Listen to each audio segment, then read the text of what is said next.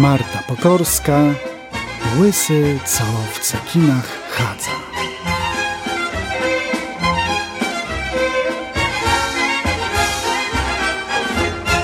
Ostatnio pan profesor Jaworski, zauważywszy, że trzymam w ręku gumowego kurczaka Ryszarda, który ubrany był w wełnianą czapeczkę i szaliczek, opowiedział mi następującą anegdotę.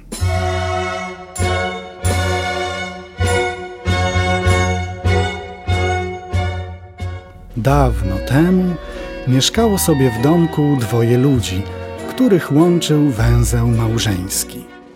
A że to były czasy odleglejsze i ludziom bardziej opłacało się kupić żywy drób, to i oni tak postąpili. Poszli na rynek i wrócili z indorem.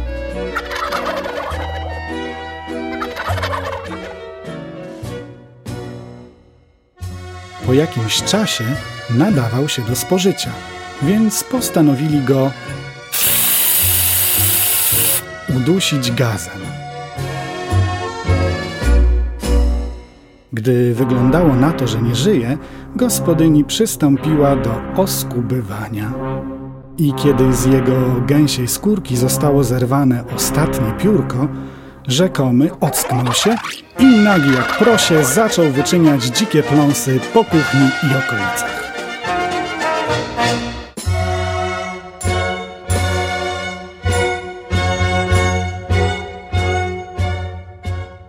Powtórne zabicie zwierzaka, który biegał po podwórku i popadł z właścicielami w niejaką symbiozę, a jeszcze teraz, kiedy dostał od swego stwórcy drugą szansę, było niemożliwością.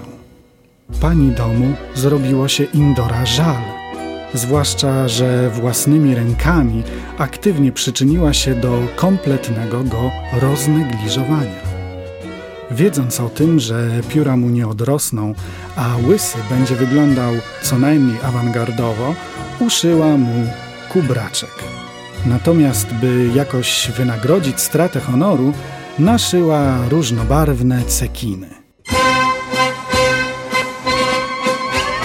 I tak chodziłby sobie ów szczęściarz po podwórku, gdyby któregoś dnia ktoś nie zostawił niedomkniętej furtki.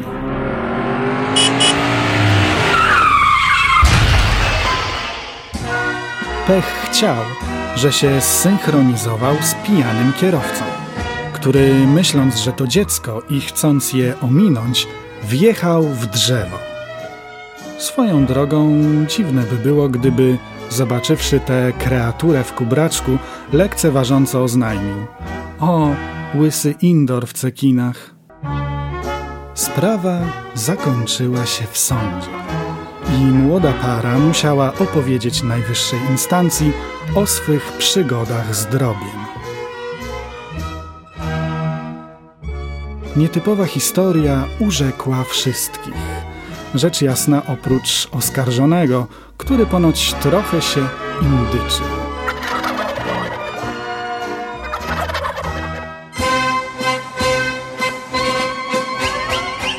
Jeśli zaś chodzi o sam podmiot liryczny całej tej intrygi, to zbiegłszy z miejsca wypadku, ruszył w świat.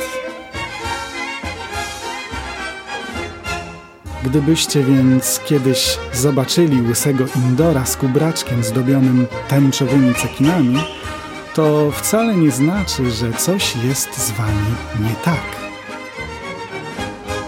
Jeśli zaś pomylicie go z dzieckiem, to pierwsza oznaka, że powinniście ograniczyć wieczorne nacieranie się amolem.